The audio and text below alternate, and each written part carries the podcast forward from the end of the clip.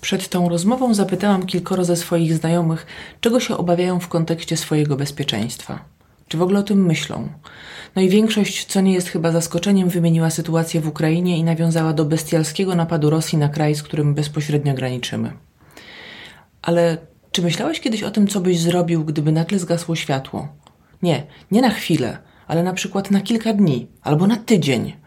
Czy wiesz, co może oznaczać tak długi brak energii? A teraz wyobraź sobie, że wracasz do domu i nie możesz wjechać na parking podziemny, bo służby prowadzą tam jakieś działania. Co więcej, policja nie wpuszcza cię nawet na teren twojego bezpiecznego osiedla. Nie, nie potrafi powiedzieć, kiedy będziesz mógł wrócić do swojego mieszkania. A gdyby tak zabrakło wody? Czy wiesz, jak zachować się w takich sytuacjach? Czy jesteś na nie gotowy? Dziś zapraszam Państwa na odcinek z Agnieszką Kordalewską, prezes Fundacji Gotowi.org. Zgodnie z hasłem Fundacji, lepiej być gotowym trzy lata za wcześnie niż jedną minutę za późno. Serdecznie zapraszam.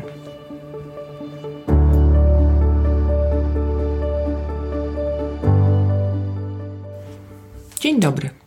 Nazywam się Emilia Gawryluk, a Ty słuchasz mojej audycji Odcienie Biznesu.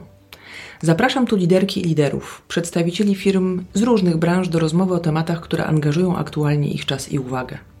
Rozmawiam o tym, co ich inspiruje, skąd czerpią energię, ale także o tym, jakie rozwiązania wprowadzają, aby ci, którzy stoją za sukcesami ich marek, pracowali z radością i energią. To audycja, w której poruszam temat świadomego i mądrego przywództwa. Dyskutuję tu o roli liderów w organizacjach oraz o wyzwaniach współczesnego świata. Sprawdź, jak różne są odcienie biznesu.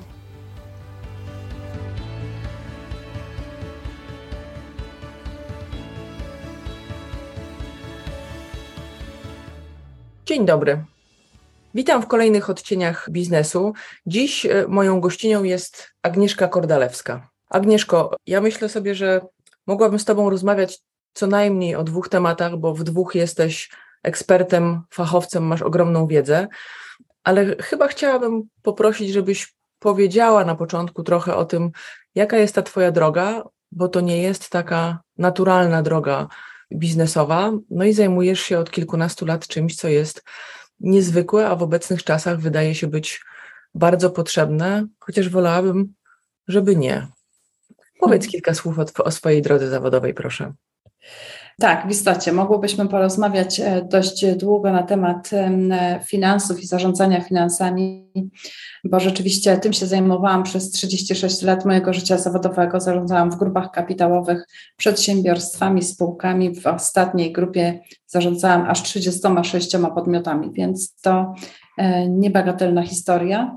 Natomiast e, w istocie od pewnego czasu nie pracuję, tylko realizuję swoją pasję. I to jest e, ten mhm. punkt, który mnie bardzo raduje, że mogłam sobie pozwolić na to, żeby swoją pasją mm, zacząć zarażać innych. I ta pasja tak naprawdę stała się moim sposobem na życie. Jest to preparing, a tak do, dokładnie to jest to przygotowywanie się na sytuacje awaryjne, na zagrożenia, na katastrofy, te, które wynikają ze skutków zmian klimatycznych, ale również te, które wynikają z działalności człowieka, albo choćby te ostatnie jako efekty interwencjonizmu państwowego. Mhm. No, nazywałaś to tak bardzo ładnie po imieniu. Rozumiem, że chodzi o wojnę, czyli o tą sytuację, która ma miejsce od jakiegoś czasu za naszą wschodnią e, granicą. Ja przyznam Ci się szczerze, że jak zapoznałam się z Twoim biogramem, to byłam zaskoczona. Powiedzieć o Tobie ekspert w dziedzinie finansów, to przy takim doświadczeniu to mało. E, byłaś w zasadzie u szczytu kariery. I mam taką potrzebę, żeby zapytać to, co się takiego stało, że raptem, będąc w zasadzie na topie, e, zrobiłaś karierę w rachunkowości i finansach, co nie jest wcale prostym zadaniem, zdecydowałaś się mm, otworzyć fundację Gotowi.org, tak? Tak powinnam powiedzieć. Tak. I portal Gotowi.org. No i jesteś e, inicjatorem, jesteś organizatorem Międzynarodowego Dnia Ograniczania Skutków Katastrof wśród uczniów polskich szkół, więc w sumie edukujesz, jak się zachowywać w sytuacjach awaryjnych. Skąd w ogóle taki pomysł na taki twist, bo nie jest to powiedzmy codzienna kariera. To jest trochę tak, że ja miałam w sobie przez bardzo, bardzo długi czas przeświadczenie, taką wręcz pewność, że mam do spełnienia w życiu jakąś bardzo ważną rolę. Ja nie po to się narodziłam, żeby jakoś tam mniej lub bardziej konsumpcyjnie funkcjonować w świecie, tylko że po to dostałam wiele talentów i po to bardzo wiele rzeczy w życiu robiłam, doświadczałam, uczyłam się, zdobywając kolejne umiejętności, że to wszystko miało czemuś służyć. Ja tylko nie wiedziałam, co to będzie. Bardzo, bardzo długo chodziłam z tym i tak patrzyłam na różnych znajomych, ale ma fajny biznes, jak on to wymyślił, nie? O, jak ta sobie super poradziła, a ja, hmm, no ja tkwię w tym moim finansowym świecie mhm. i w zasadzie nic fajnego nie robię. Naprawdę miałam takie e, przeczucie w sobie, że i, i takie przekonanie, że e, to, co robię, jakkolwiek było mega ważne i rzeczywiście e, odnosiłam niesamowite sukcesy w tym zakresie, to dalej uważam, że to jest nie to, że e, ja mam jakąś misję po prostu do spełnienia. Mhm. I w 2014 roku, kiedy wybuchła ta wojna, e, zaczęłam się przygotowywać, bo się po prostu wystraszyłam, mhm. e, bo się nagle okazało, że ja nie mam w domu kompletnie nic, ja nie wiem, jak się zachować. Ja generalnie w ogóle nie wiem, co mam ze sobą zrobić i zaczęłam zgłębiać temat. Historycznie sięgnęłam do moich antenatów, ale też sięgnęłam do Amerykańskiej Agencji Bezpieczeństwa. E, mhm. Zajrzałam do FEMY, zajrzałam na ich portal Ready.gov, który mnie później już zainspirował do tego, żeby taki portal stworzyć e, w Polsce, a później, żeby zrobić, żeby on był portalem wielojęzycznym i tak to działa. Mhm. Mówiąc, że ta wojna zaczęła się w 2014, oczywiście mówimy o tym, co się wydarzyło w Donbasie, czyli ten pierwszy, tak? Mówisz o tym momencie. Mówię kiedy... o aneksji Krymu. Mhm. Tak, o aneksji Krymu i o tej sytuacji, która, kiedy ta wojna nie była dla nas e, tak bliska, bo ja, wszyscy doskonale pamiętamy, ten temat był e, na agendzie, natomiast to, co się wydarzyło 24 lutego tego roku, myślę sobie, że dla większości naszych kolegów, koleżanek, Polaków, Polek, y, to był ten cios i myślę sobie, że to właśnie 24 lutego ludzie obudzili się trochę z takimi myślami, które ty miałaś już w 2014. Także... Trochę, y, trochę tak, a trochę nie. Dlatego, że mm, jeżeli byśmy się skupiali wyłącznie na zagrożeniach wynikających ze działań zbrojnych, to bylibyśmy bardzo zawężyli de facto to, co może nam zagrażać Natomiast e, wtedy, kiedy wybuchła pandemia, to był ten pierwszy moment, kiedy jakby społeczeństwo się zaczęło budzić. Dlatego, że mm, też ludzie zobaczyli, że sama pandemia jest jakby problemem, jest zagrożeniem, natomiast z niej wynikają konsekwencje, które powodują kolejne zagrożenia, sytuacje awaryjne, dla rodzin albo dla szerszego społeczeństwa y, czy lokalnych społeczności. Więc jakby tych zagrożeń y, było znacznie więcej niż wojna. E, pojawiające się, znaczy skutki zmian klimatycznych dla ogromnych obszarów w Polsce dają nie wiem, ogromne braki w prądzie na przykład przez mhm. wiele dni. E, jest e, problem z dostępem do wody bieżącej, do wody pitnej, e, są lawiny błotne, to wszystko się dzieje w Polsce. W Polsce się zaczęły pojawiać huraganowe wiatry, jakich wcześniej raczej nie obserwowaliśmy, potężne nawałnice. Trąby powietrzne to, to jest nasza rzeczywistość, czego wcześniej nie było, więc jakby tych zagrożeń wokół nas jest naprawdę bardzo dużo a my ze swoim uzależnieniem od prądu, no jesteśmy coraz bardziej narażeni na skutki tych zagrożeń. Wiesz, myślę sobie, że trudno jest w większości mm, osób, które znam, wyobrazić sobie, że raptem nie będzie prądu. Oczywiście mówi się o tym przecież bardzo dużo, ale tak, tak bardzo jesteśmy od niego uzależnieni. Każde urządzenie, które gdzieś tam przy sobie nosimy, a większość z nas ma przynajmniej telefon, a zaryzykuję, że pewnie ze dwa, trzy urządzenia mamy szansę nosić przy sobie, które tego prądu potrzebują. Mm, I trudno sobie to dla części osób wyobrazić, że tego prądu nie ma. E, Agnieszka, jesteś absolutnie specem. Czy my jako Polska, jako Polacy jesteśmy gotowi na to, żeby Zdecydowanie się... Zdecydowanie jeszcze nie. Mhm. E, zdecydowanie jeszcze nie, chociaż tak jak powiedziałaś wcześniej, e, gdzieś no, e, różne impulsy wywołane właśnie zagrożeniami, które wokół nas się pojawiły, te impulsy zaistniały. czyli jakby jest już ruch i, i myślę, że w dobrą stronę. Moim marzeniem i, i moją m, taką misją, którą realizuję, to jest to, żebyśmy jako społeczeństwo rzeczywiście byli przygotowani, przynajmniej tak jak Finowie są przygotowani. O e, Szwajcarach to w ogóle możemy zapomnieć, bo to, bo to jest e, szerszy kontekst. Mhm. Natomiast fajnie, że ludzie zaczęli w ogóle o tym myśleć. Dobrze, że e, zaczęliśmy głośno mówić o tym, że nie trzeba się bać że najgorszym doradcą jest panika, bo możemy po prostu nie przeżyć mhm. zagrożenia. Dobrze, że zaczęliśmy, e, tak jak powiedziałam, o tym głośno mówić. E, coraz więcej ludzi korzysta z portalu gotowi.org. Wczoraj zaglądałam na e, statystyki. No rzeczywiście wystraszyli się chyba ludzie trochę zagrożeniem jądrowym, mhm. bo sama ta strona miała przez ostatni tydzień 40 e, kilka tysięcy wyświetleń. Ta mhm. jedna związana właśnie z zagrożeniami jądrowymi. E, no, ale myślę, że e, oprócz tego, że dajemy właśnie portal, poprzez który możemy się przygotowywać i, i ludzie wiedzą, jak to zrobić, jak krok po kroku do tego podejść, też pokazujemy uczniom w szkołach przez filmy, które właśnie na okoliczność Międzynarodowego mhm. Dnia Ograniczenia Skutków Katastrof były im prezentowane, że to całe przygotowywanie się to jest w gruncie rzeczy dość prosta historia. To nie jest w ogóle jakaś wielka komplikacja.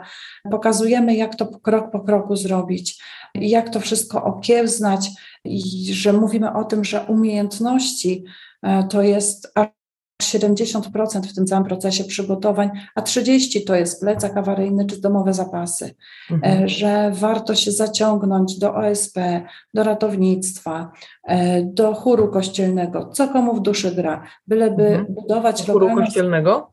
No czemu nie? E, ale czy, chciałam tylko zrozumieć, czy w chórze kościelnym, w sensie mm, jak się to ma do bezpieczeństwa? Przepraszam. Ja, może, ja może dokończę to jakby, bo w połowie zdania jestem, nie? Mhm. E, więc e, jeszcze raz powiem. Mówimy o tym, żeby się zaciągnąć do e, OSP, do WOT-u, do e, ratownictwa, do chóru kościelnego, jakby obojętne, co komu w duszy gra. Chodzi o to, żeby dołączyć do pewnej społeczności i żeby e, być elementem, być członkiem pewnej społeczności, realnej społeczności, nie wirtualnej na LinkedInach czy Facebookach, tylko realnej społeczności. Dlaczego to jest takie ważne? Dlatego, że ludzie, którzy się nawzajem znają i poznają, wymieniają się również wzajemnie swoimi umiejętnościami i w sytuacji lokalnie oczywiście, ja mówię o, o tym, co powinno się wydarzyć lokalnie, czyli ten chór kościelny przy parafii jakiejś. E, chodzi o to, że w sytuacji zagrożenia ludzie po pierwsze się znają, po drugie wiedzą, kto jakie ma umiejętności, co potrafi zrobić i są w stanie szybciej przywrócić normalność po przejściu jakiegoś zagrożenia.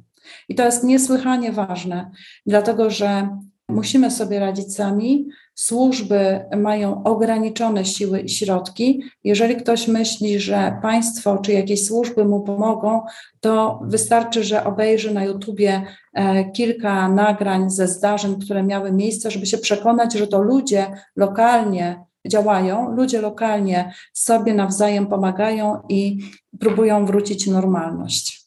Mhm. E, wiesz, akurat zareagowałam na ten chór kościelny, bo z bezpieczeństwem ostatnio mi się nie, nie, nie kojarzy, chociaż e, być może jest to pewnego rodzaju nadużycie i generalizacja.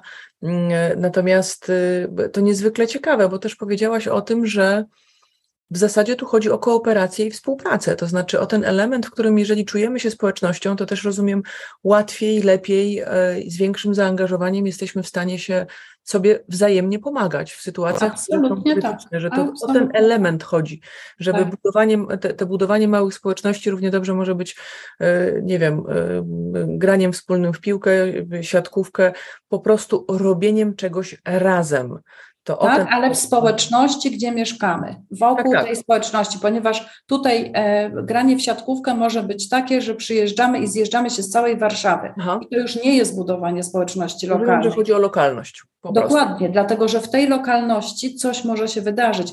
Jeżeli przyjdzie zagrożenie, na przykład natychmiastowa powódź, mhm. to ona dotknie obszaru pewnego, czyli ludzi mieszkających na tym obszarze. Dlatego to jest ważne, żeby lokalnie budować społeczności, więc to może być koło gospodyń wiejskich, to może być gra w piłkę nożną, ale na tym boisku przy tej szkole, nie wiem, gminnej, wiejskiej czy jakiejś tam podmiejskiej, tak? Chodzi o to, żeby to dotyczyło tej lokalnej społeczności, bo mhm. znowuż to jest jeszcze tak, że e, każdy z nas e, ma jakieś talenty, każdy z nas ma jakieś umiejętności i nikt z nas na szczęście nie wie wszystkiego i nie mhm. potrafi wszystkiego, tak? Mhm. Czyli tutaj też chodzi o pewną wymianę dóbr.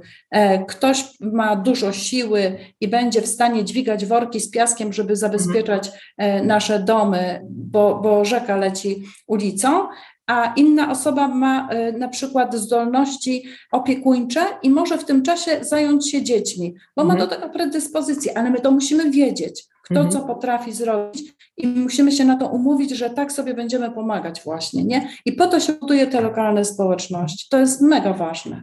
No i myślę sobie, że użyłaś kilku przykładów, które gdzieś tam linkowały do takich społeczności, które Chyba buduje się łatwiej. Myślę sobie, że na wsi ludzie się przede wszystkim lepiej znają. My mieszkamy w blokowiskach. E, dzisiejszy odcinek nagrywamy. Ja siedzę w centrum Warszawy, ty podejrzewam, że, że też. Na Mokotowie.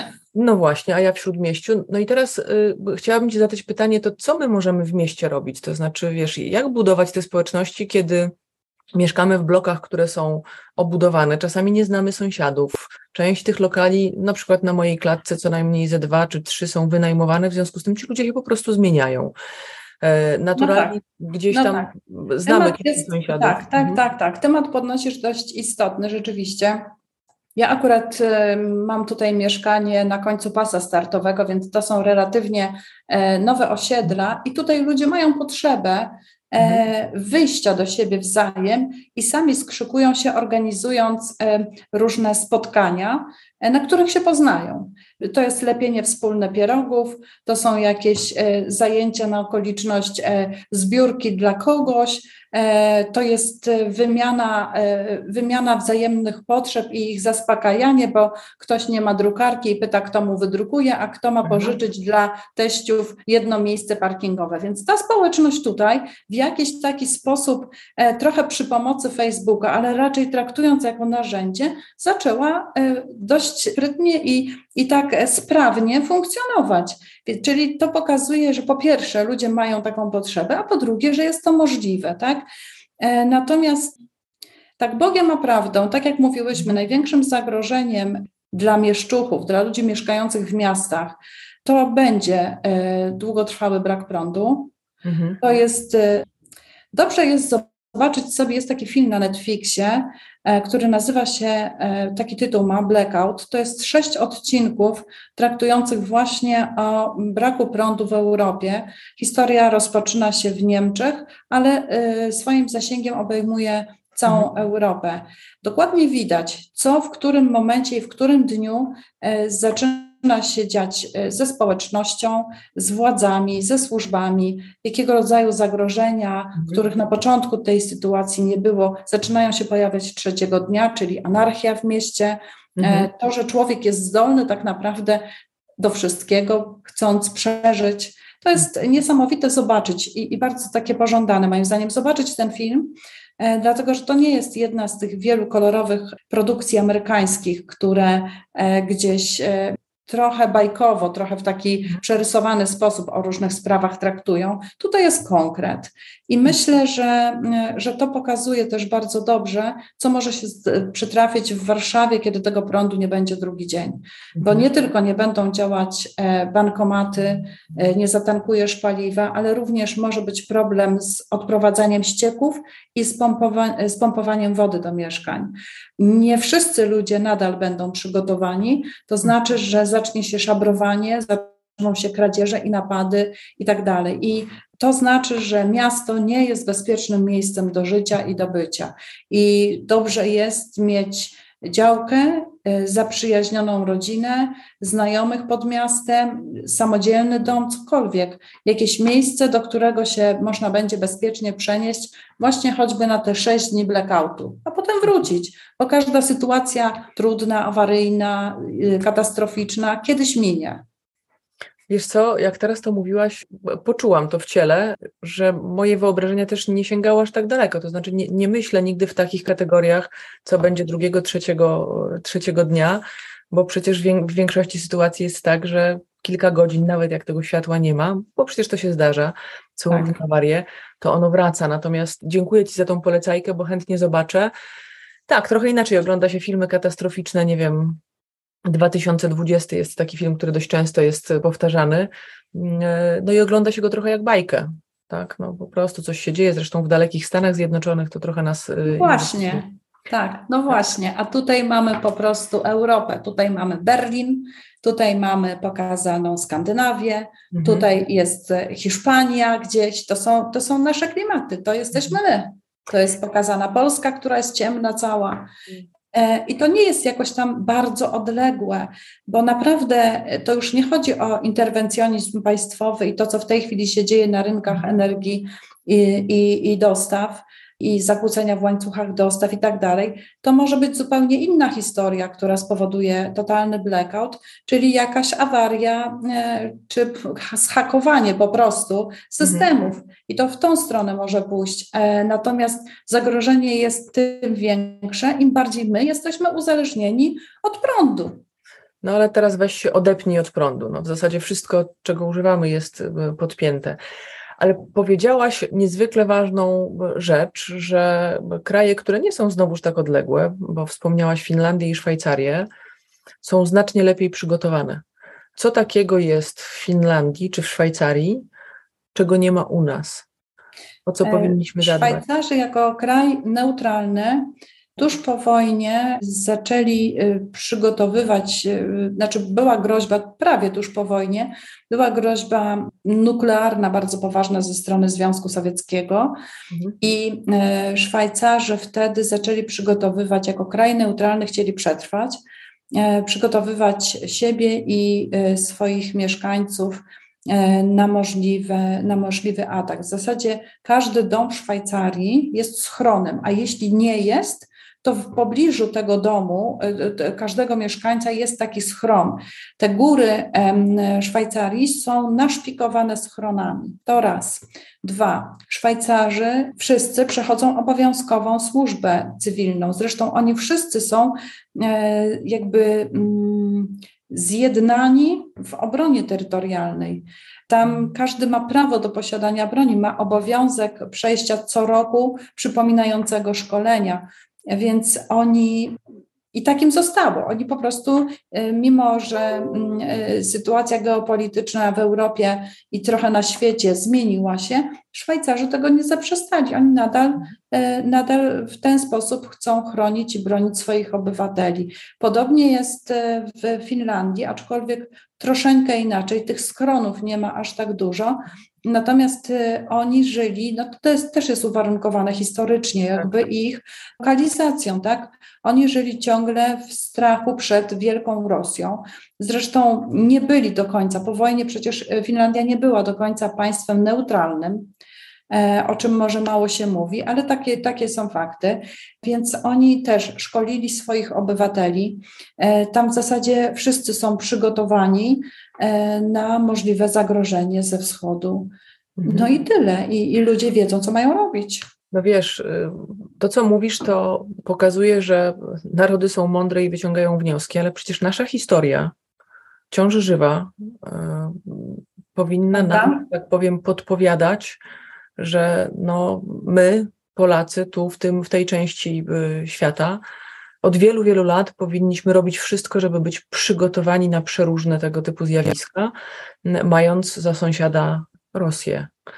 No to ja pójdę kawałek dalej, bo ty jesteś prezesem zarządu Fundacji Gotowi.org i jesteś również organizatorem unikatowych warsztatów gotowości.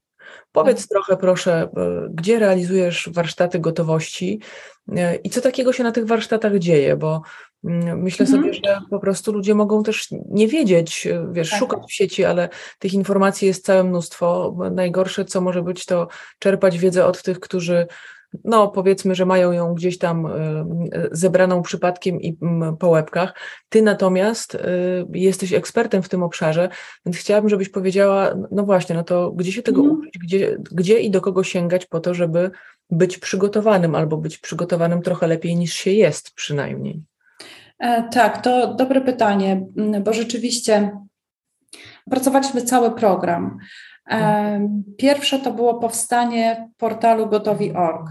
Później we współpracy z Biurem Narodów Zjednoczonych do spraw redukcji zagrożeń zorganizowaliśmy w Polsce dwie pierwsze edycje tego Międzynarodowego Dnia Ograniczenia Skutków Katastrof. W pierwszym e, roku pokazaliśmy Pokazaliśmy te katastrofy, pokazaliśmy, jakie są skutki zmian klimatycznych, działalności człowieka i tak dalej. Pokazaliśmy, jakie to są wartości, jakie to są cyfry, że to wszystko nas dotyczy. Pokazaliśmy mm, zmiany, które zaszły. Pokazaliśmy, że mm, otoczenie, w którym żyjemy, daje nam tylko ułudę bezpieczeństwa że tak naprawdę e, nie jesteśmy, nie mamy komfortu życia i nie jesteśmy wcale bezpieczni.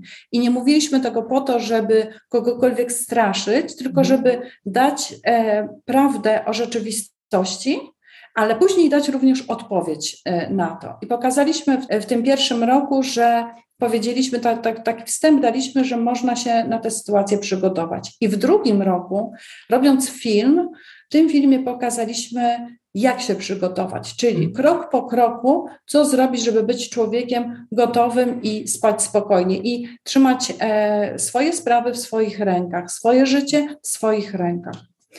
Ale okazało się, że to wszystko, czyli i portal, i ten przekaz, e, robiony do uczniów, no myśmy dotarli do ponad e, miliona osób w Polsce, to nadal jest mało. Pytania były, no dobrze, a może byście zrobili jakieś warsztaty, pokażcie jak, jak zacząć. I to było w zasadzie, te warsztaty powstały jako odpowiedź e, nauczycieli, którzy na swoich lekcjach EDB korzystali z naszych treści. Co to jest EDB, przepraszam? E, edukacja dla bezpieczeństwa. Taki przedmiot w szkole. Na jednym poziomie chyba był e, realizowany.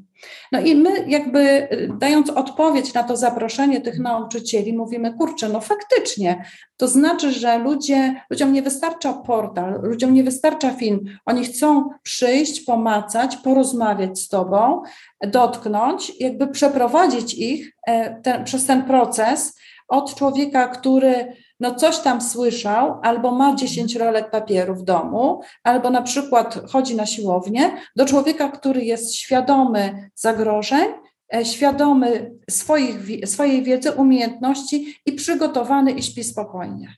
I my takie warsztaty w ubiegłym roku już stworzyliśmy. Mhm. E, w, jako na pierwszy rzut poszła właśnie ta przyjaźniona szkoła w Olsztynie.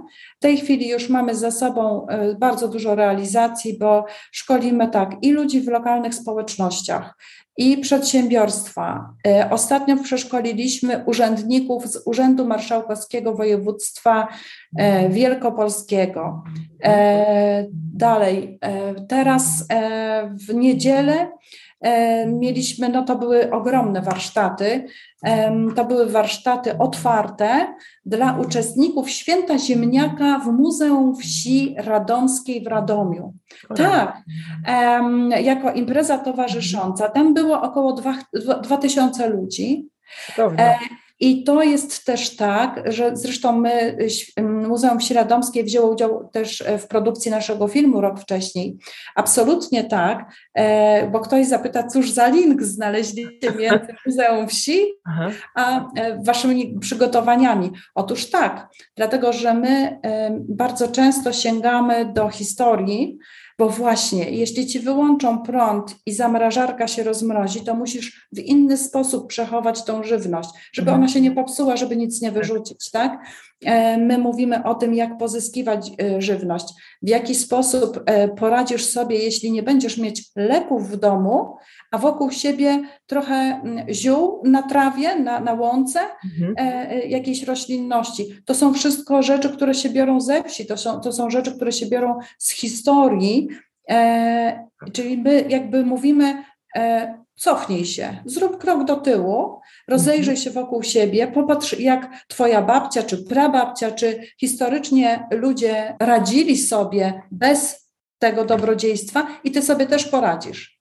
E, więc a to w ogóle cudowna historia, wiesz, bo jest taki trend powrotu do natury, natomiast on ma bardziej charakter takiego, wiesz, wyciszania się, uciekania trochę od biznesu, od tego, od tej pogoni za mm, pieniądzem, od nadgodzin pracy i tak dalej, a ty mówisz, dokładasz do tego kolejny element związany z tym, żeby też by czerpać, chociaż ten trend jest też widoczny, bo powiedziałaś o tych ziołach, mam wokół siebie bardzo wiele osób, które starają się właśnie nie używać leków, zastępują, to znaczy czytają na ten temat, żeby leczyć się, nie mówię o poważnych chorobach, ale właśnie, żeby zwykłe zaziębienia czy odporność budować sobie naturalnymi, naturalnymi metodami, czyli mówiąc y, tak najkrócej, czosnek, cebula, jakieś olejki, jakieś zioła. Ale mówiąc o tym wszystkim, no właśnie, żeby, żeby uczyć się przeżycia, to ja też jakoś po, potrzebuję powiedzieć to głośno, że jesteś chyba w Polsce pierwszą kobietą prepersem. No tak, tak to, tak to media mnie e, określiły kilka lat temu i tak już zostało. Może faktycznie tak być i może faktycznie tak jest. Natomiast jestem zdecydowanie pierwszą osobą, która, e, pierwszą kobietą, która się e, zajęła tym na poważnie mhm. i pierwszą, która nie zachowuję dla siebie tej wiedzy i, e, i tych umiejętności, tylko wyszłam do innych, chcąc, e, żebyśmy, jakby chcąc realizować z jednej strony swoją misję, ale z drugiej strony właśnie przyczynić się do tego, że e, mhm. nasze społeczeństwo będzie odporne na zagrożenia, będzie przygotowane, mhm. będziemy czuć się dużo bardziej komfortowo i, i myślę, że to jest chyba ważne w tym wszystkim. Wracając jeszcze na chwilę do, do tych warsztatów, bo poszliśmy w stronę ziół, a ja chcę powiedzieć, że e, my mamy e, kapitalnych instruktorów. Mamy e, w tej chwili ponad 10 osób, które naprzemiennie prowadzą te warsztaty i to są świetni ludzie e, z ratownictwa medycznego. Uczymy w czasie tych warsztatów troszeczkę innych rzeczy niż na takim klasycznym kursie pierwszej pomocy. Mhm. E, my uczymy bezpiecznego posługiwania się bronią, będąc pacyfistami, ale to trochę jest tak, że my jeździmy e, na wakacje w różne regiony świata i różne rzeczy mogą się przytrafić. E, ja sama doświadczyłam huraganu Irma, bo nie w tą stronę pojechałam, nie w odpowiednim czasie. Mhm. Więc e, uczymy tego, jeżeli, jeżeli po prostu znajdziesz się w czasie strzelaniny, czy, czy znajdziesz broń na ulicy, co zrobić? Brać czy zabezpieczyć? Jak się zachować, tak? Mhm. To nie są łatwe rzeczy, więc dobrze jest wiedzieć. Mówimy o tym, że zawsze trzeba mieć plan B. O tym się dużo mówi, e, bo jest to fajne hasło. Natomiast jak to zrobić, jeżeli wracasz do domu e, z pracy, a przed domem stoi, stoją służby, dom jest otoczony, ten, ta kamienica, w której mieszkasz, jest otoczona mhm. i e, służby mówią, bardzo przepraszamy, ale pani nie może wejść do domu. Pani się pyta kiedy, a panowie mówią, my tego nie wiemy, prowadzone są czynności. I co pani ze sobą robi, tak? Mhm. Jeszcze dorosły człowiek to jeszcze, no dobrze, to może zadzwonię do koleżanki, no tak, a co ma zrobić dziecko? Co ma mhm. zrobić dziecko, które wraca ze szkoły do domu i ma taką sytuację? Grało cały dzień na telefonie, telefon ma rozładowany, nie zadzwoni do mamy i jej nie powie. Co ma ze sobą zrobić? Mnie uprzedziłaś, bo chciałam powiedzieć, że dzwoni do mamy, ale zepsuła, zepsułaś mi no wszystko. No, to przepraszam, ale takie, nie, tak. taka jest, takie są realia i my uczymy na warsztatach, jak e, przygotować rodzinny plan awaryjny, czyli mhm. jak się skomunikować, jak zostawić sobie wiadomość, a jeśli będzie potrzeba ewakuacji, tak jak ostatnio było na, na Podhalu, kiedy przyszła gwałtowna ulewa i tam po prostu ludzie z całej jednej wsi byli ewakuowani. E, więc jakby e, muszą wiedzieć, gdzie się mają ewakuować, co ze sobą zrobić. Wiadomo, że te sytuacje z reguły 2-3 dni mija i wracamy do domów. Posprzątamy i to da się żyć dalej, no nie? Ale przez ten czas coś trzeba ze sobą zrobić. Trzeba, więc trzeba mieć plan. E, trzeba mieć spakowany, naszykowany plecak awaryjny właśnie na ewentualność koniecznej ewakuacji. A jeżeli się nie ewakuujemy, bo na przykład powódź natychmiastowa zalewa tylko e, te niższe partie domu, a my y, czujemy się bezpiecznie, mocne fundamenty, domu mhm. nie porwie, zostajemy, no to musimy wiedzieć znowuż, co zrobić, że jedzenie, że wodę trzeba przenieść wyżej, musimy mieć te zapasy, bo przecież sklepy nie będą działać przez jakiś czas. I tego wszystkiego też uczymy na warsztatach, jak się do takich rzeczy przygotować. Tematyka taka. No mam takie wrażenie, że w zasadzie to otwiera się jakaś kolejna furtka, przez którą mogłybyśmy pójść. Y, zapytam Cię jako osobę, która się na tym zna, bo dwukrotnie w trakcie tej naszej rozmowy powiedziałaś o broni. Czy Ty sobie wyobrażasz, że my w Polsce mamy powszechny dostęp do broni? Absolutnie nie. Absolutnie nie. Jesteśmy ludźmi nieodpowiedzialnymi, moim zdaniem, e, więc e, dobrze jest tak, jak jest. E, ci, którzy sportowo, zawodowo mają ten dostęp, niech go mają. Natomiast uważam, że każdy powinien przejść szkolenie z bezpiecznej, bezpiecznego posługiwania się bronią. W razie W, żeby potrafić e, z tej broni skorzystać we właściwy sposób i nie zrobić sobie krzywdy. Mhm. Kiedyś, jak ja kończyłam e, liceum, była taka lekcja wiedza o społeczeństwie i tam uczono nas mhm. bardzo wielu różnych rzeczy, ale między innymi chodziłam na strzelnicę w ramach tych zajęć. Uczono mnie z, z krótkiej i z długiej broni. Ja akurat trochę strzelam, to znaczy od dawna nie strzelałam i wojna nie uruchomiła we mnie potrzeby przypomnienia sobie, jak się strzela, ale strzelałam przez wiele długich lat, zarówno z krótkiej broni. Przed kilka lat przed pandemią zdarzało mi się nawet regularnie dość jeździć na strzelnicę, natomiast to jest taka wiedza, to znaczy ona nie jest taka oczywista, to znaczy i broń się zmienia i jest bardzo różnorodna. Myślę sobie, że to po prostu trzeba sobie przypominać. Tak, ale raczej mnie teraz odpycha niż przyciąga ten temat, więc no właśnie to też jest y, ciekawy jakiś mechanizm psychologiczny, y, mhm. to, co się dzieje z, z, głową, jak się takie koszmary dzieją za, za naszą wschodnią granicą. Wspomniałaś o plecaku awaryjnym. Właściwie y, stworzyłaś, wymyśliłaś, jak, jak można to powiedzieć, produkujesz na pewno plecak awaryjny i plecak awaryjny mm, na stronie internetowej można obejrzeć. Są różne plecaki awaryjne. I to jest po prostu gotowy mhm. produkt, który można nabyć, żeby być gotowym. Powiedz proszę coś więcej.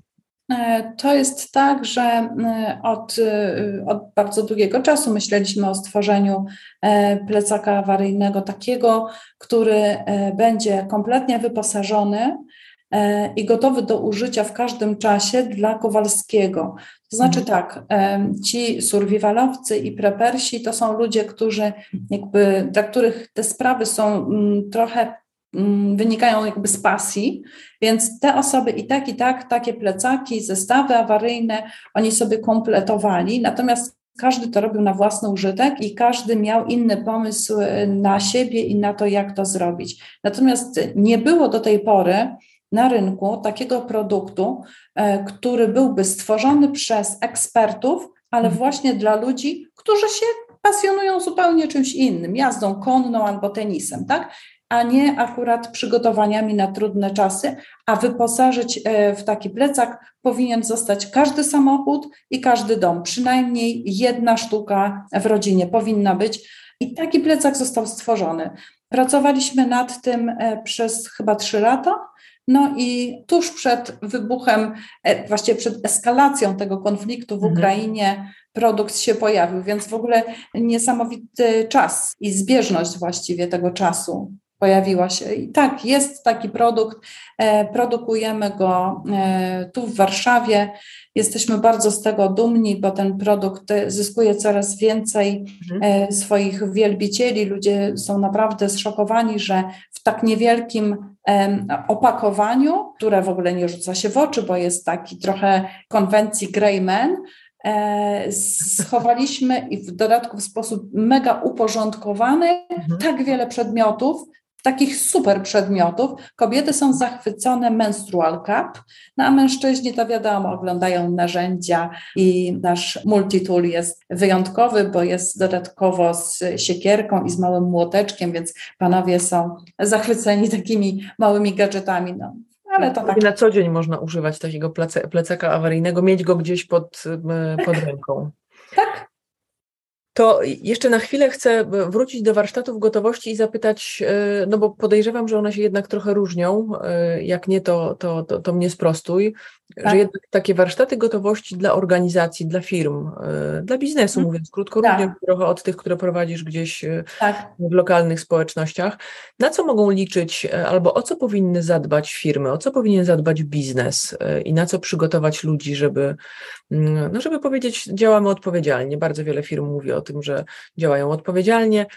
Czuję po tej, w trakcie naszej rozmowy tak. coraz bardziej, że biznes powinien o to dbać i że Absolutnie. poza rozwojem kompetencji miękkich, liderskich i tak dalej, i tak dalej. Powinniśmy dbać o to w biznesie, żeby być gotowymi tam, gdzie można, tam, tak. gdzie mamy swoje społeczności, mm, żeby ludzi przygotowywać. To co dla biznesu, Agnieszka? Emilia, mówię tak. Największą, znaczy to jest moje doświadczenie życia mhm. zawodowego, biznesowego, tego mojego wcześniejszego życia. Największą wartością dla mnie jako e, szefa firmy, jako szefa zespołu, wszystko jedno jakby na którym szczeblu, dla mnie najważniejszą wartością byli ludzie. Nie ma innej wartości wyższej, większej e, w przedsiębiorstwie. Takie jest moje zdanie. Ktoś może powiedzieć, że nie wiem, wyposażenie czy jakieś inne rzeczy, jakby pewnie tyle, ile ludzi, tyle zdań.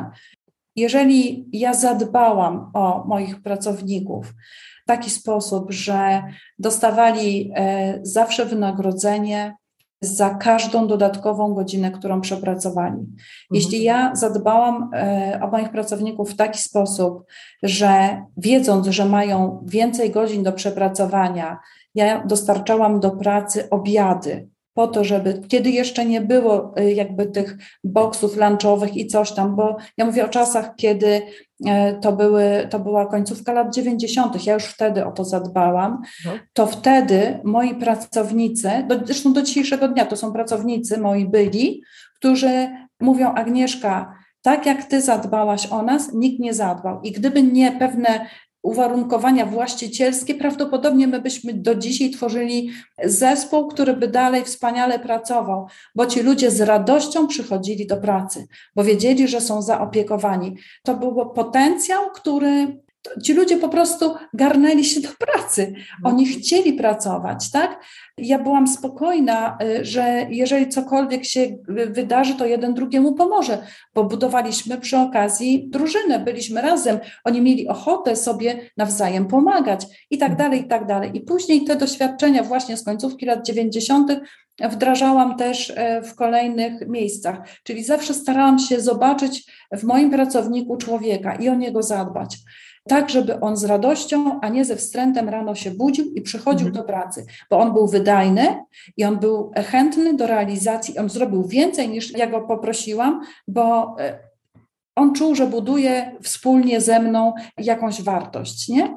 I myślę sobie, że warsztaty gotowości są takim sposobem na to, żeby e, dać tym pracownikom poczucie, że się o nich dba, żeby się poczuli zaopiekowani przez e, właściciela, przez prezesa, osoby zarządzające, wszystko jedno, kto tam stoi na czele dzisiaj, w której korporacji czy w której firmie, ale oni będą mieli poczucie, że zostali zaopiekowani, że ktoś się o nich zatroszczył, mhm. że dla kogoś ważny jest on jako człowiek, a nie tylko on jako pracownik, który przyszedł do roboty i ma e, zrobić plan, zrobić e, założenia budżetowe, etc. To mhm. jest e, coś niesamowitego, bo to z takich sytuacji biorą się ludzie, którzy mówią później, że oni nie przepracowali ani jednego dnia, bo oni do pracy chodzili z radością. I to właśnie z takich rzeczy się biorą. Mówisz o, o czymś, co powiedziałaś lata 90. W tej chwili jest bardzo widoczny trend well-beingu i dbania o pracownika, a to jest suma po prostu prostych rzeczy, które można e, tak. robić i one nie wymagają żadnych piruetów, bym e, powiedziała. Słuchaj, to powiedz mi jeszcze, no tak, jesteś kobietą, ten świat prepersów, bo też z Twoich ust pojawiło się słowo survival. preppers, preparing i survival to są jednak dwie różne rzeczy. Może tak. warto też o tym powiedzieć. Powiesz trochę, jaka jest różnica między preparingiem a survivalem, bo ja chcę Cię dalej pociągnąć za język, no to jak Ty się masz jako kobieta e, w tym świecie, który wydaje mi się być jednak męski męski trochę bardziej, no bo no tak, no, bo nawet pewnie statystycznie, mimo to, że kobiety tam są i wiem i znam i pewnie kilka takich, które uprawiają survival mogłabym nawet wymienić, ale no przewaga jest mężczyzn. E, to, to powiedz proszę na początek to e, preparing versus... To ja, to ja, to ja, to definicje to są w Wikipediach, to, to ja bym... Mówisz, że mają ja sobie sprawdzić. Tak, ja, bym, ja, ja Wam opowiem pewien case, bo to jest ciekawy, myślę. Aha. Od 2015 roku, chyba albo od końca 2014, jestem na świeczniku i w tym zakresie udzielam mnóstwa wywiadów, biorę udział w realizacjach filmowych i coś tam się cały czas dzieje. No i jeszcze wtedy byłam w tej grupie kapitałowej w ostatnim moim miejscu, gdzie pracowałam. I ekipa telewizyjna właśnie przyjechała e, do biura, ponieważ e, realizatorzy bardzo chcieli e, pokazać mnie jako taką właśnie zwykłą kobietę. Czyli tutaj jest e, pani prezes, pani szefowa, która zapyla w szpilkach i w garniturze e, i rozstawia ludzi po kątach. I, I tutaj z drugiej strony jest ta dziewczyna w traperach e, z siekierą latająca i jakby zbierająca deszczówkę i robiąca zapasy, nie? I to wszystko w jednym miejscu chcieli pokazać. No i rzeczywiście tak było. Przyszli, zobaczyli. Trudno im było to sobie wyobrazić, jakby ten przeskok właśnie tej jednej dziewczyny, którą przed chwilą widzieli, no i, i właśnie to, co zobaczyli w biurze, tak? Myślę sobie, że to całe myślenie i to całe nazywanie to w ogóle nie ma kompletnie żadnego sensu. Dlatego, że survival czy preparing sam w sobie ja postrzegam jako rodzaj pasji, nadal jako rodzaj pasji. Natomiast to, o czym ja mówię, to jest konieczność wynikająca z otoczenia, w którym żyjemy. Konieczność dokonania pewnej zmiany społecznej, właśnie będącej skutkiem tych zdarzeń, o których troszkę Ty powiedziałaś, troszkę ja.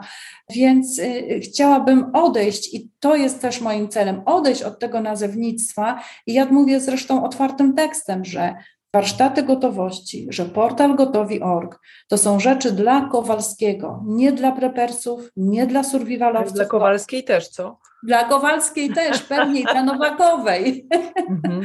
A jak najbardziej. Chodzi o to, że po prostu oni są przygotowani, a tutaj chodzi o to, żebyśmy my y, wiedzieli, co mamy zrobić. I jeśli pracownicy w firmie będą e, przygotowani, będą wiedzieli, jak się mają zachować, nie powpadają w panikę, nie zrobią mnóstwa głupot, tylko racjonalny sposób będą postępowali w każdej sytuacji e, awaryjnej, co spowoduje, że dość szybko poradzą sobie z nią i później wrócą do swoich zwykłych czynności.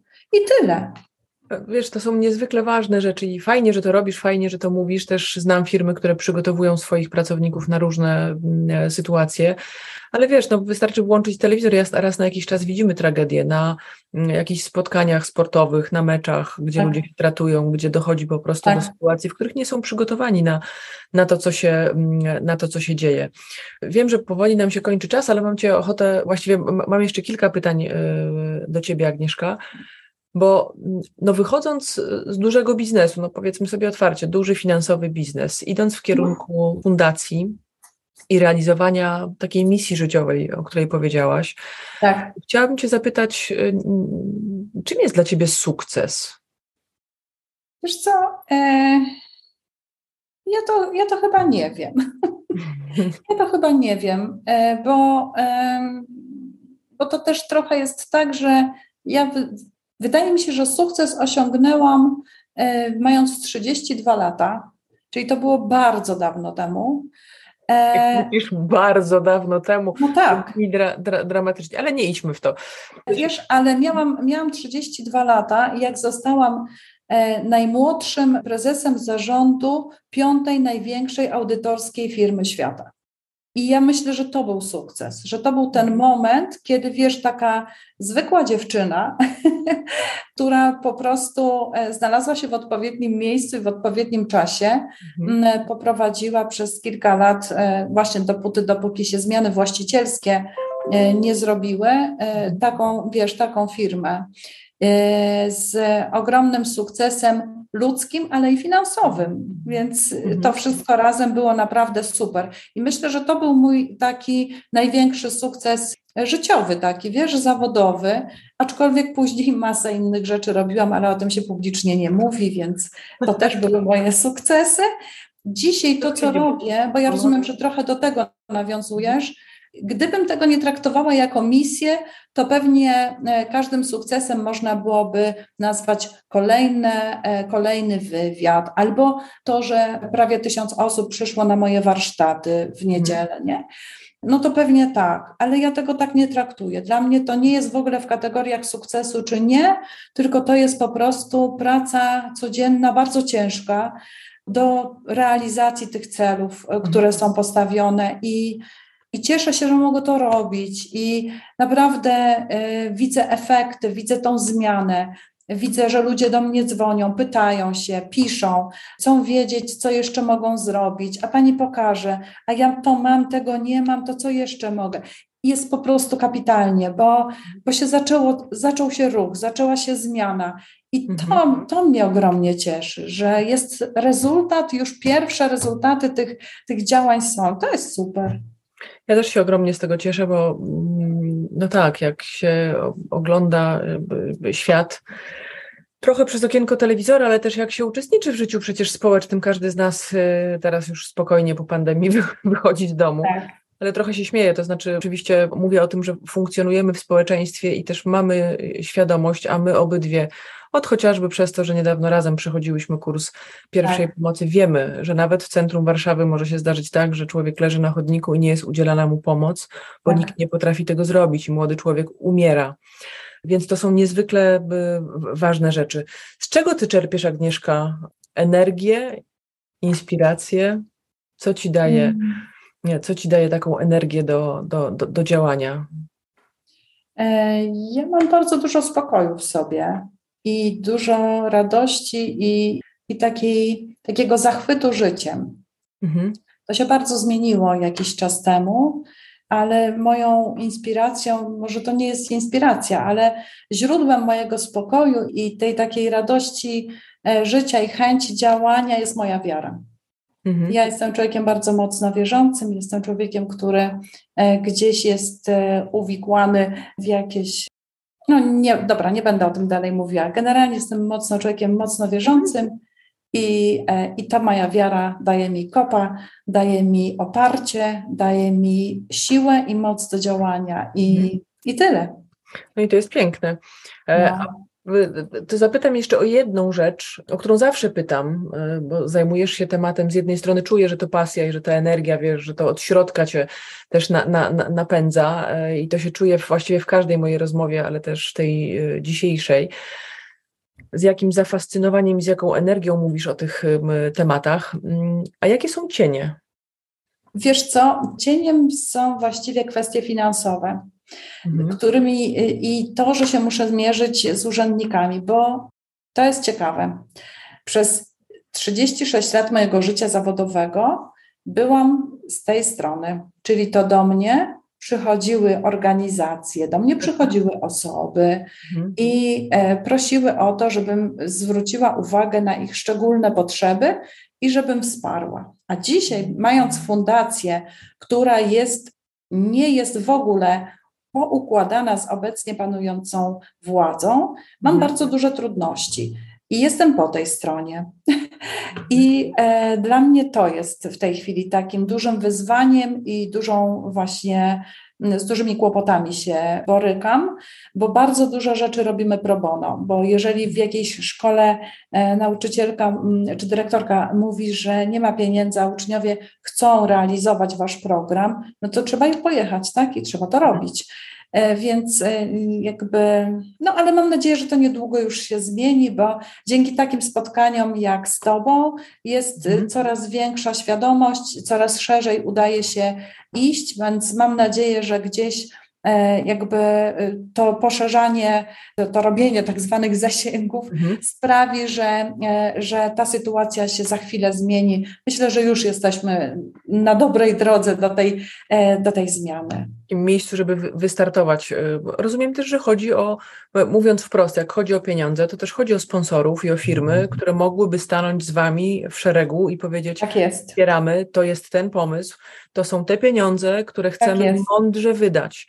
Mówiąc tak krótko, jest. chcemy zainwestować w ekspertów, którzy tak. pójdą i będą edukować młode pokolenia, stare pokolenia, wszystkich.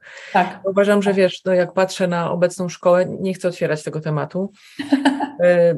E, natomiast nie chcę go otwierać, ale chcę powiedzieć o tym, że ze swojej perspektywy widzę, e, jak wielu rzeczy nie uczy się młodych ludzi, jak na przykład przedstawiania się. Ja wiem, że to brzmi idiotycznie, e, ale wystarczy popatrzeć na te młode pokolenia, które przychodzą i muszą powiedzieć coś o sobie. I same często, młode osoby mówią do mnie, Emilia, ale mnie nikt tego nie uczył, mnie tego nie uczono w szkole. Tak. I myślę sobie, że jest tyle bardzo fajnych rzeczy, umiejętności, które można byłoby w mądry sposób wpleść w zajęcia szkolne. Co więcej, one cieszyłyby się moim zdaniem ogromną popularnością. Sama mówisz, że dzieci bardzo chłoną i kakują w te e, aktywności i chętnie się mm, uczą.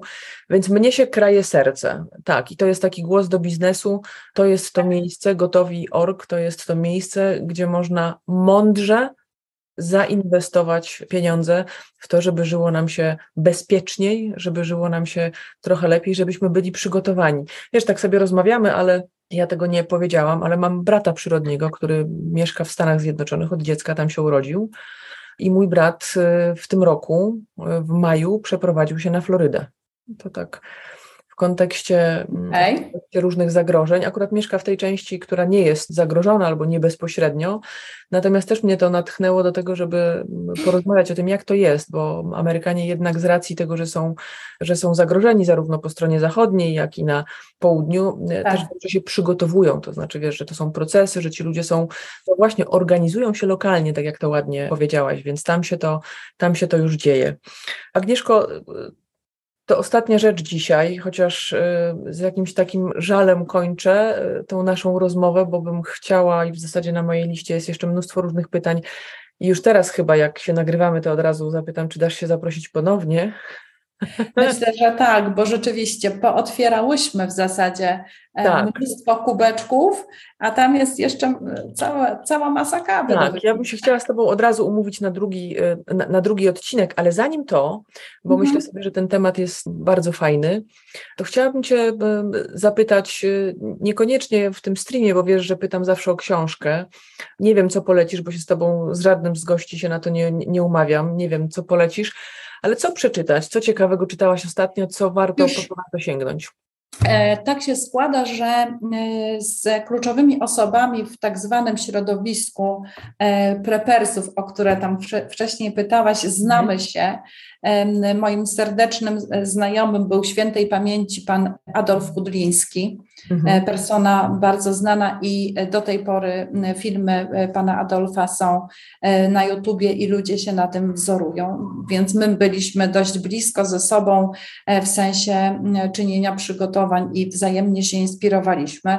E, znam się bardzo dobrze z Krzyśkiem Lisem, który prowadzi domowy survival. Mhm. E, I znam się bardzo e, dobrze jeszcze z kilkoma kolegami, ale między innymi z Pawłem Frankowskim.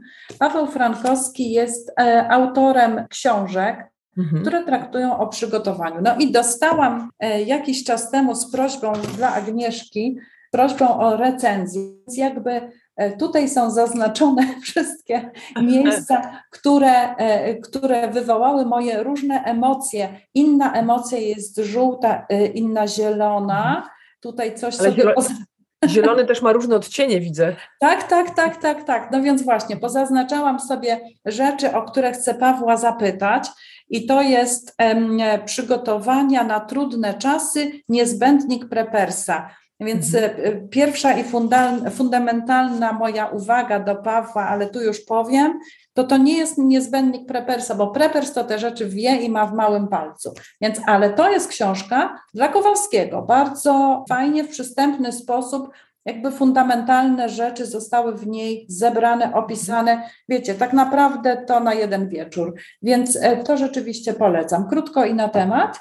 A teraz dostałam od Pawła do recenzji kolejną książkę.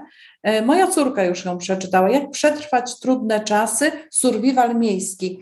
I e, moja Magda powiedziała, że że no nie, że książka jest w dużej części dotyka tematów wojny w Ukrainie i i jakby to nie o to chodzi w tym naszym przygotowaniu. Ale e, nie chcę nic dalej mówić, bo nie chciałabym powtarzać czyichś e, opinii, tylko sama ją w końcu przeczytam, to wtedy następnym razem, jak się spotkamy, to dam znać. Czyli przygotowania na trudne czasy Paweł Frankowski polecam jako uzupełnienie do e, portalu gotowy org oczywiście, bo e, tam e, punkt po punkcie jakby jest ścieżka e, przygotowana dla Was, jak przejść sobie od człowieka, który nic nie wie, do człowieka, który już mniej więcej będzie przygotowany. Potem idzie na warsztaty, uczy się w praktyce i śpi spokojnie i trzyma swoje życie w swoich rękach. Ja bardzo serdecznie Ci za tą polecajkę mm, dziękuję i rzeczywiście polecam odwiedzenie strony gotowi.org. Ja nie wiem, to czasami może powodować na początku pewnego rodzaju stres, jak się czyta i tego nie wiem, tamtego nie wiem, o i tego nie wiem. E, Aha. Natomiast e, w jednym miejscu rzeczywiście zebraliście no, ogrom informacji. Zachęcam, bo nawet przeczytanie daje już taki większy e, spokój, takie poukładanie sobie w głowie. Poukładanie, właśnie. Ja tak, takie, wiesz, nawet jak nie mam, to mogę wiedzieć, czego mi brakuje, albo po co sięgnę następnym razem. Ja pamiętam, jak ty mnie kiedyś wywołałaś do odpowiedzi, zapytałaś mnie, to co nosisz w torebce? I ja pamiętam, szybciutko odpowiedziałam, ale to no, wszystkie potrzebne rzeczy. E, no ale jak jesteś przygotowana? I ja wtedy powiedziałam, mhm. nie wiem, no nóż jakiś mam, ale to przez przypadek akurat wtedy. Aha. E, a jest kilka tych rzeczy, o których powiedziałaś, które w tej torebce kobieta i nie tylko, to znaczy powinniśmy nosić przy tak. sobie. To może tak na koniec powiedz trzy rzeczy, które warto mieć e, przy sobie zawsze. Powiem te, te rzeczy, których ludzie z reguły nie mają, bo rzeczywiście to jest też ciekawe, bo wywołuję do tablicy każdego na warsztatach i przepytuję, co masz przy Ja nie byłam na warsztatach, chciałam powiedzieć. tak, ale to chodzi po prostu o to, że mhm. my trochę jesteśmy przygotowani. To nie jest tak, że jesteśmy y, y, zupełnie beztroscy o siebie samych. To tak nie jest. Mhm. I rzeczywiście pytam, pytam, co masz, i mówię, dobra, to jeszcze tak, jeszcze dołóż sobie kod sterniczny, czyli tą folię NRC, która mhm. kosztuje dychę, czyli tyle co nic, a zapewni ci komfort wtedy, kiedy na przykład e, utkniesz w pociągu relacji e, Warszawa-Garwolin, e, bo trakcja, nie wiem, prądu nie będzie cokolwiek, więc po co się chłodzić, po co, zanim ktoś po ciebie przyjedzie, czy zanim podstawią komunikację zastępczą, okryjesz się tym kocem. Mhm. Będziesz może trochę wyglądał jak lump, ale za to ciepły. E, więc e, to jest pierwsza rzecz. Druga rzecz, o której też mówię, to zawsze jakiś batonik, chociaż nieduży, tylko nie czekoladowy, żeby się nie rozpuściło to wszystko. I chociaż mhm. maciupeńka butelka wody, bo jeśli winda stanie pomiędzy piętrami, to znowu, zanim e, służby ciebie z tej windy wyciągną, miną godzina, dwie, nie wiem ileś, a mając batonik i mając tą maleńką butelkę wody, nie będziesz odczuwać pragnienia, coś tam sobie y, nakarmisz swój mózg, a jednocześnie y, na przykład będziesz mógł popić swoje leki, które zawsze rozumiem, że nosisz przy mhm. sobie, te, które przyjmujesz na stałe, a później napiszesz list miłosny do przyjaciela, żeby zająć głowę, żeby nie myśleć o tym, co się dzieje. Wiesz?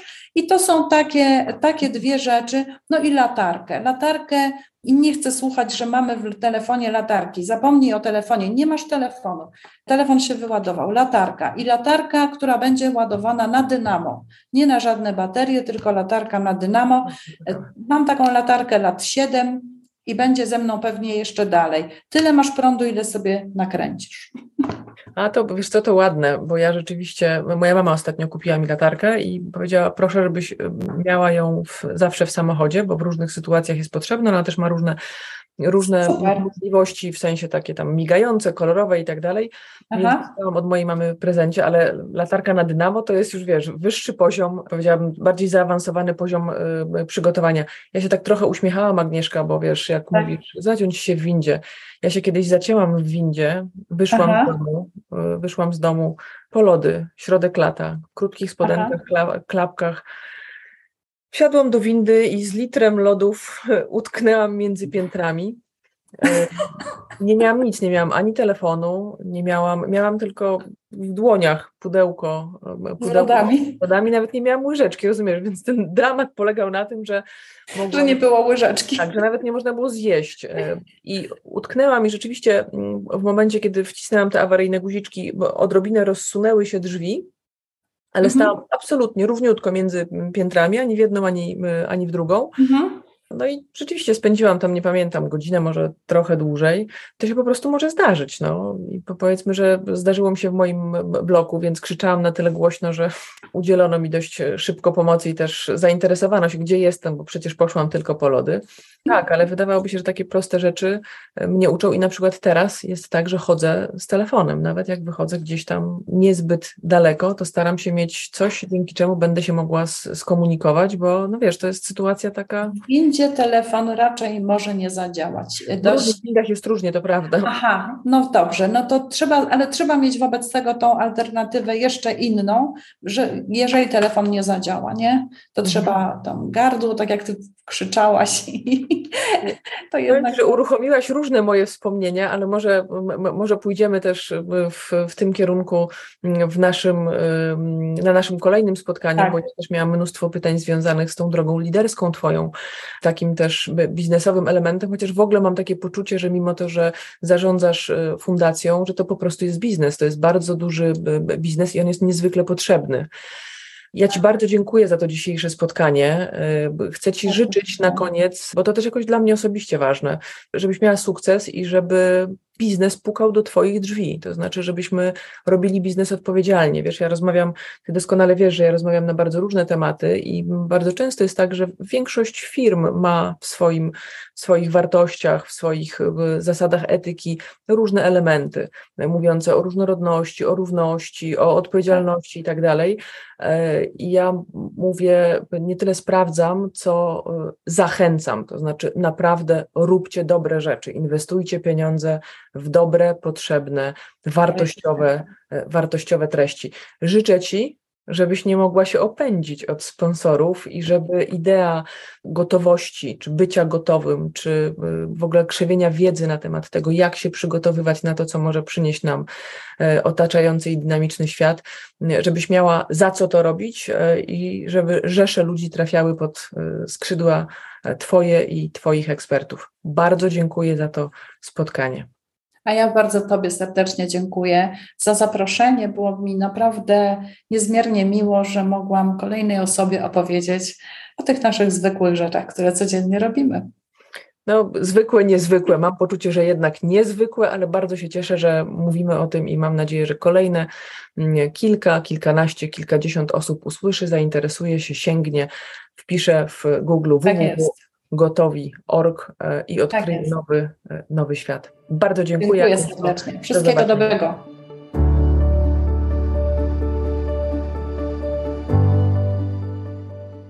Dziękuję za Twój czas. Mam nadzieję, że nasza rozmowa była dla Ciebie inspirująca. Jeśli Ci się podobała, udostępnij ją znajomym, zostaw lajka i zasubskrybuj, aby nie umknął Ci żaden odcinek. Będzie mi miło, jeśli podzielisz się swoją opinią. Napisz kilka słów recenzji. To dzięki Tobie mogę się rozwijać i trafiać do szerszego grona odbiorców. To dla mnie ważne i bardzo Ci za to dziękuję. Już dziś zapraszam Cię na kolejny odcinek. Sprawdź, jak różne są odcienie biznesu.